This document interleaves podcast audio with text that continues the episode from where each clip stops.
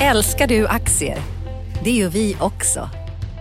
Sea Worldwide Asset Management är en av Nordens största oberoende aktiva aktieförvaltare och har samlad kunskap sedan 1986.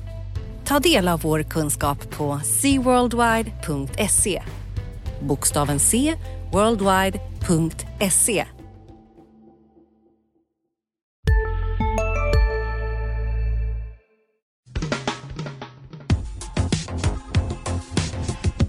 Analyspodden från Dagens Industri. Hej allihop och välkommen till Dagens Industris analyspodd. Jag heter Ulf Pettersson och eh, mitt emot mig har jag Johanna Jansson. Hejsan Johanna! Hej hej! Hallå, vad tycker du vi ska prata om idag? Ja, men det, finns en ganska, det finns en hel del att snacka om här, så här sista, sista dagarna i maj. Ehm, det som har hänt i veckan är väl eh, en viss eh, rekyl på både börs och räntor efter lite stökigare dessförinnan. Men kanske lite avvaktande. Vi har en svensk krona som åker jojo också. Så jag tycker vi kan prata lite om det och du kanske har några tips om hur man ska tänka som investerare i den här miljön? Ja, det kanske jag har. Jag, jag har hela pappret fullt med, med olika rubriker här. Vi har ju en massa börsintroduktioner som är på gång. Eh, Collector har kommit ut och satt, satt till och med ett pris och sen så väntas det ett, en handfull i alla fall och ännu fler bortom, bortom eh, sommaren här. Och sen så har vi ju Grekland igen, återigen. Detta Grekland tycker jag vi ska prata om. Storbritannien och valet och vad som mm. händer med EU tycker jag är intressant. Jag tycker eh, det är lite kul att privatpersoner har ökat sin andel av ägandet på Stockholmsbörsen. Kanske man kan prata om. Och sen så har vi ju kaos och kris i, i statens bolag då med både LKAB, Vattenfall och Telia Sonera med nya mutskandaler. Mm. Det, skakar, det skakar lite på olika ställen mm. helt enkelt. Ska vi börja med Grekland kanske? Du har ju koll på det Johanna. Ja, alltså jag vet inte hur bra koll man nu kan ha. Det svänger fort. Mm. Alltså det är från att eh, Grekland säger att nu, nu har vi ett avtal nära och vi kommer greja det här.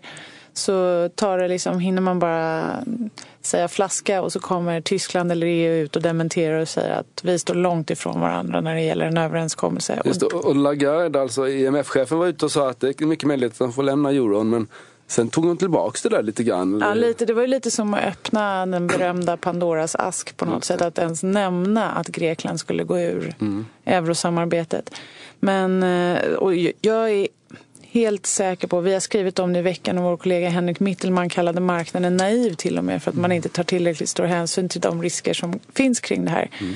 För att eh, det bästa för Grekland, givet läget som det är idag, tror jag skulle vara att de slapp vara med.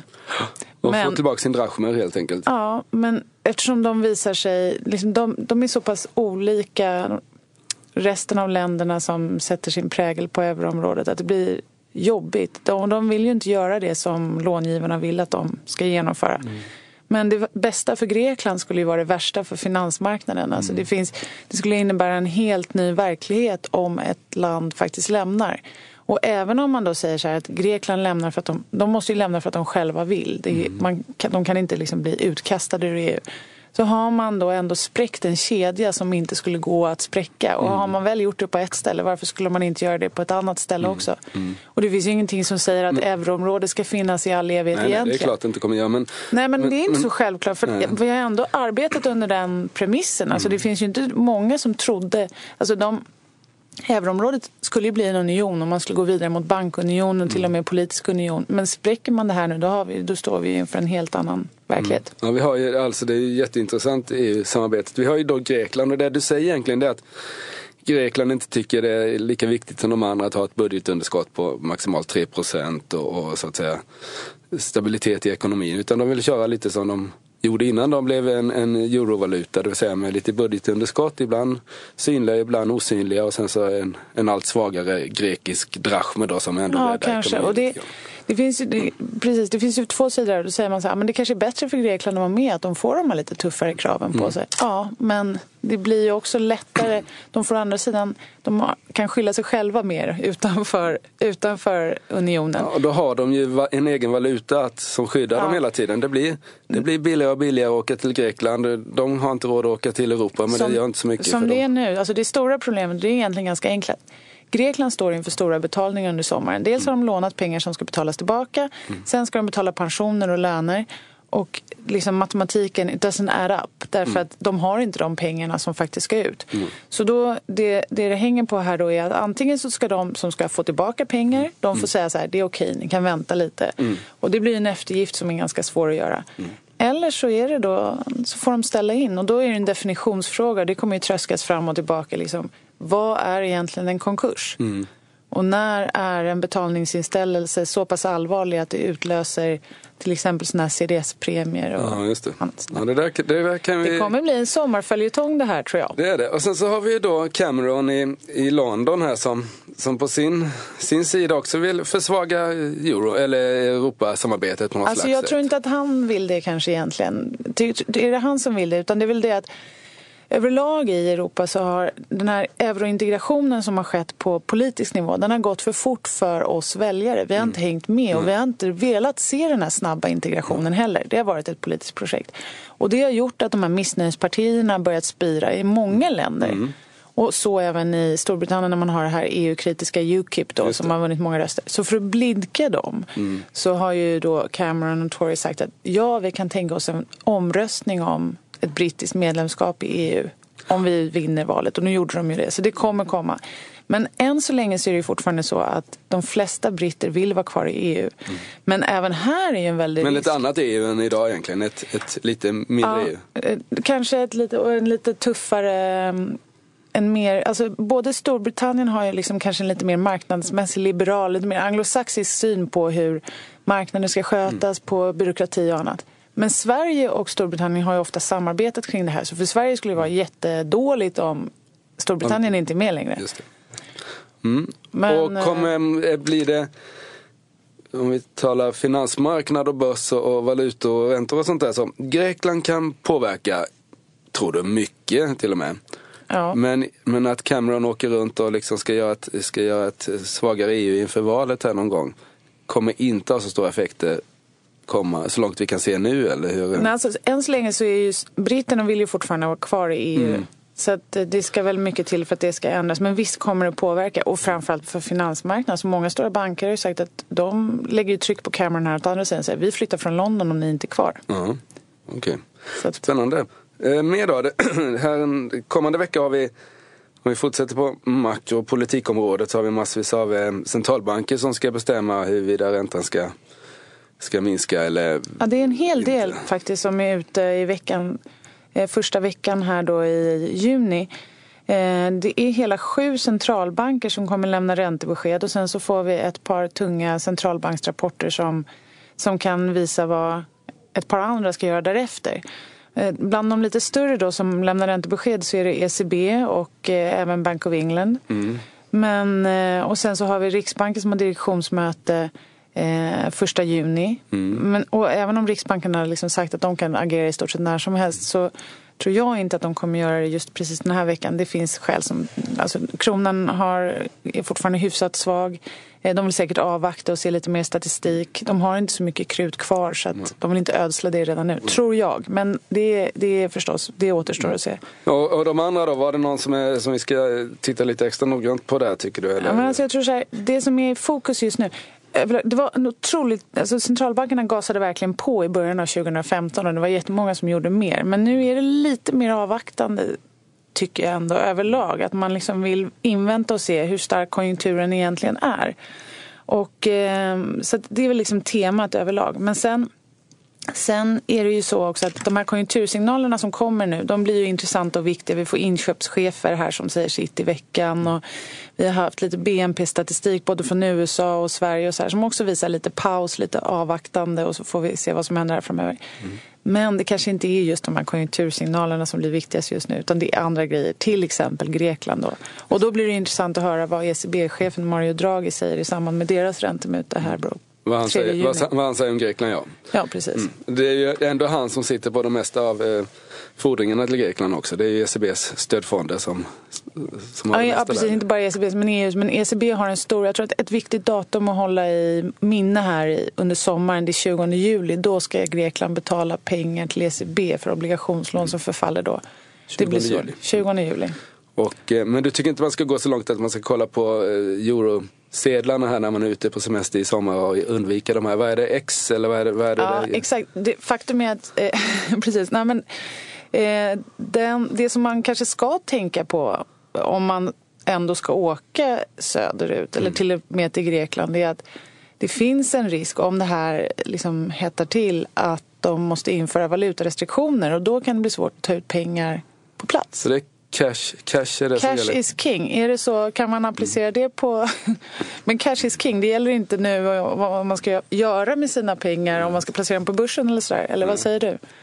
Nej, jag har ju varit lite småskeptisk till börsen hela tiden här nu. Det är ju sista handelsdagen i maj här och eh, börsen, det beror ju på lite hur det slutar. Just nu pågår vår stora season sale med fantastiska priser på möbler och inredning. Passa på att fynda till hemmets alla rum, inne som ute, senast den 6 maj. Gör dig redo för sommar. Välkommen till Mio. CSRD. Ännu en förkortning som väcker känslor hos företagare. Men lugn, våra rådgivare här på PWC har koll på det som din verksamhet berörs av. Från hållbarhetslösningar och nya regelverk till affärsutveckling och ansvarsfulla AI-strategier. Välkommen till PWC. Men den är ner en procent i maj och det är ju inga våldsamheter och sådär. Det, kunde ha varit, det var mer ett tag och så har den återhämtat sig. Så det är lite lugnare på börsen, lite avvaktande, lite mindre sannolikt med en stor rekyl här. Men, eh, men eh, jag är väl fortsatt avvaktande men jag tror inte på något ras längre eftersom det inte hände här under några kritiska veckor. Vår kollega Martin Blomgren skrev ju i veckan om ändå att även om man, det är lite avvaktande och sådär men det går inte bara att lägga sig i hängmattan här under sommaren och Nej, den tiden är ju över. Dels så ju, har vi ju en intensiv rapportperiod mitt i juli här som stökar till det för alla börs när de ska ta semester och de ska göra det före eller efter. Och så händer det ju alltid mycket och just Grekland som vi har och, och liksom den här osäkra konjunkturen gör att vi kommer nog ha mycket, mycket att skriva om även i, i sommar. Plus att det kokar ju på, på alla ledder här. Vi har massvis av börsintroduktioner. Det är inte säkert att de kommer liksom i juli för det kanske inte är den bästa tiden. Men, men det är mycket börsintroduktioner, mycket affärer utanför börsen och sådär. Så det händer mycket och det kommer hända mycket i, i, juni tror jag också för att man ska försöka stänga en del innan semestern. Så. Berätta lite mer om de här börsintroduktionerna. Är ja, de, de man... vi känner till då är, det är ju eh, Collector som har blivit en bank då här förra veckan. De ska ut på börsen. Eh, 9 10 juni var det, så det är bara drygt en vecka bort. Eh, Alimek, en eh, hisstillverkare, industrihissar i, i Skellefteå, ska in på börsen. Core, ett eh, ja, vad ska man kalla dem då? Det är ett gammalt Skanska-bolag som håller på med facility management. ska man säga det? Vaktmästartjänster kanske man kan säga, även om de säkert inte skriver det i sitt prospekt. Då. Nobina, gamla linjebuss bland annat, ett bussbolag då, som kör åt kommuner och landsting. Nordax, ytterligare en bank. Sen så vet jag att det är ett par andra på gång, gamla Ahlsell. Det är mycket sådär favorit i repris som börjar dyka upp på börsen nu. Ahlsell ska ju, Brinova också är också på gång då. Det är väl kanske hemlighet än så länge, men nu, inte till, fram tills nu då. Men, eh, eh så det, det, händer, det händer jättemycket. Ja, mm. breaking news där, vi får se vad som händer. Så, och det händer, jag, jag vågar inte säga om man ska köpa det eller sälja och det, det vore ju helt oseriöst eftersom vi inte vet vad det prissätts till och, och sådär. Men hittills har ju börsintroduktionerna varit jättebra affärer i 9, 10, 9, 9 köp av tio har blivit bra i alla fall. I alla fall på stora listan. På den lilla mm. listan, små listorna är det ju lite annat. Det lite För det här är inga stora, de flesta är Det här är stora bolag. Det är liksom eh, miljardemissioner. Mm. Och det, det är stora bolag. Det är mycket pengar då. Eh, totalt kanske det är summerat till 20-30 miljarder som då ska eh, liksom investeras. Å andra sidan så har ju Axis försvunnit och det var 20 miljarder så det går nästan jämnt upp där vi får se. Men det, det är jättespännande. Det är kul. Med är liksom... det sista rycket nu då? Ja, eh, hade jag jobbat på Carnegies kroppavdelning så hade jag nog eh, lagt i en växel här för eh, vi kan inte hålla på hur länge som helst med så här mycket noteringar. Jag träffade ju Siba som också ska in på börsen men det är inte förrän 2016 säger de. Mm. kan bli sent, vi får se om de. Men ja, det är kul, det är liksom roliga bolag. Det är liksom bolag som man kan ta på som man det är liksom konsumentrelaterat en del och en del verkligen produktbolag och sånt är alltid lite roligare än, än saker, en bolag som gör bara delar av produkter så att säga. Det är konsumentrelaterat, men konsumenterna är inne på börsen också? Ja, det är de. Stämmer. Det eh, kom statistik här från eh, mäklarfirmorna som säger att eh, det har ökat. Handeln, privatpersoners handel har ökat kraftigt sista tiden, sista månaderna. Och tittar man på den långa statistiken så har då privatpersoners andel som ägare av Stockholmsbörsen, den var 30 procent i början av 80-talet. Har fallit trendmässigt till 10 procent. Men nu börjar den vända upp. Det är inte med några liksom jätte, jätte, jätteförändringar då, men det faller inte längre och det börjar till och med öka lite privatägandet. Så ett trendbrott? Vad... Ett trendbrott kan man säga, från 30 år, 30 år ett trendbrott är här liksom. Och vad är, vad är, vad är orsaken till det? Orsaken till det där kan man ju diskutera. Eh, jag tror att ISK, det här nya sättet att... Eh, Fond, alltså sparande ja, spar, ränt, Alltså inte räntefritt men skattefritt eller åtminstone liksom... Uppskjuten skatt. Ja, eller man betalar ju skatt oavsett hur det går. Precis. Tidigare hade man ju liksom reavinster och mm. reaförluster. Det har man ju fortfarande om man inte har någon ISK. Men nästan alla som öppnar en depå nu är ju mm. ISK. Då betalar man en årlig skatt. Mm. Oberoende om du har gjort liksom tusen gånger pengarna på börsen eller spelat bort allt så ska du ändå betala skatt på den summan som är kvar. Men det gör att man kan ha en högre omsättning? Ja, du kan ha en högre omsättning. Du slipper liksom Ja, då är det, blir det, du behöver liksom inte deklarera vad du har gjort för vinster och förluster utan det är liksom summan som du har på, korten, på, mm. på kontot där som avgör. Och det gör det lite enklare. Plus att eh, ja, det är en låg skatt. Sen så tror jag en, en annan del är väl de här fondbolagens eh, avgifter då för sina fonder. De har ju sig gått ner lite grann här sista, sista året. Då, men debatten har ju varit så högljudd så jag tror att en del överger fonderna för att köpa direkt, direkt mm. köpa aktier. Det tror jag är två. Plus att vi har haft en stark börs och sådär som säkert har hjälpt till att man hör grannen tjäna pengar och då köper man sina första aktier så att säga. Så det där tror jag. Det är ju jättekul för det behöver vi. Mer privat, det liksom, tror jag är bra. Varför aspekter. är det så bra? Nej, men det är bra om man om allmänheten, eh, eh, invånarna i landet har ett intresse av företagande. Du är liksom, köper du aktier istället för fonder så är du mer intresserad, blir du mer intresserad av företagande. Och det tror jag jätte, kan ge ringa på vattnet så att säga, mm. att man blir lite mer marknadsinriktad där. Det är väldigt passivt att köpa någon fond från Handelsbanken. Utan men lägger man ner lite tid och så köper man ett riktigt bolag då, då får man ett intresse för hela samhället på ett sätt som jag tror är bra. Det finns ju en annan samhälls viktig ägare som har haft lite kärvigare i veckan. Just det, Stefan Löfven om man nu ska om han är chef för Sverige, så, och det är han ju så, så har han haft det tufft här i veckan. Vi har då Vattenfall som eh, man pratar om 60 miljarder i nedskrivningar, vilket är pengar även för eh, en stat. Vi har LKAB som langade iväg miljarder, 6-7 miljarder i utdelning till staten bara för ett par år sedan. Nu kan det vara tal om nyemission för att de gör förluster eftersom mm. järnmalmspriserna har gått ner så kraftigt och de inte har kunnat hantera sina kostnader i samma takt. Mm. Och sen så har vi då Telia Sonera som jag tycker i sig att eh, vdn där, Dennelinde verkar vara en bra figur men han har ju en del att ta tag i gamla synder och nu är det nya länder. Azerbajdzjan var det väl och mm. Uzbekistan och, och, mm. och sådär. För de här korruptionsskandalerna. Mm. Och att de då ska ha liksom gett bort aktier till, till någon, någon ledare närstående som skulle vara värt 6 miljarder och sådär. Så, mm. och det är ju det är stökigt alltså.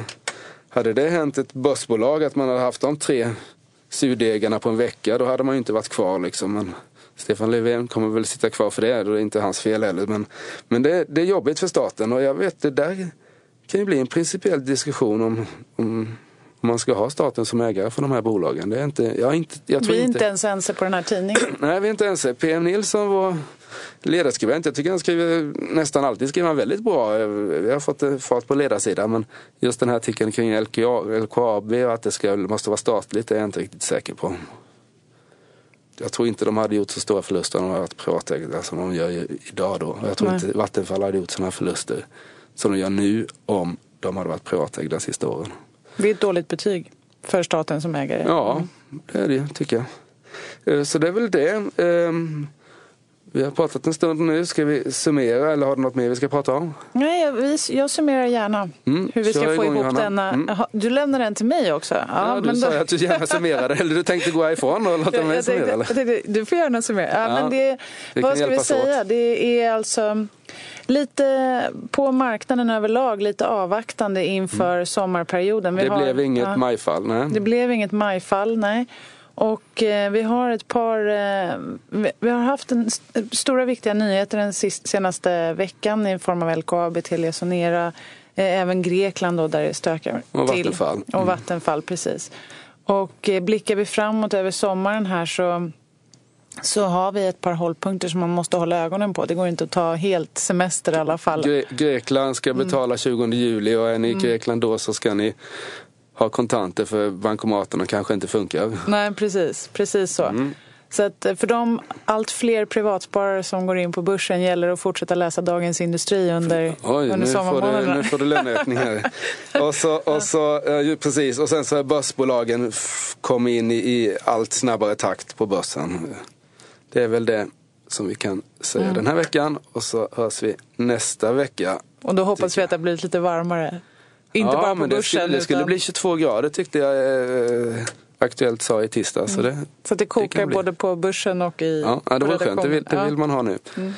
Eh, Det vill man ha. Och eh, eh, fram till dess så får du ha en skön helg då, Johanna. Ja, tack så mycket och detsamma. Tack, tack. Hej. Analyspodden från Dagens Industri. Programmet redigerades av Umami Produktion. Ansvarig utgivare Peter Fellman.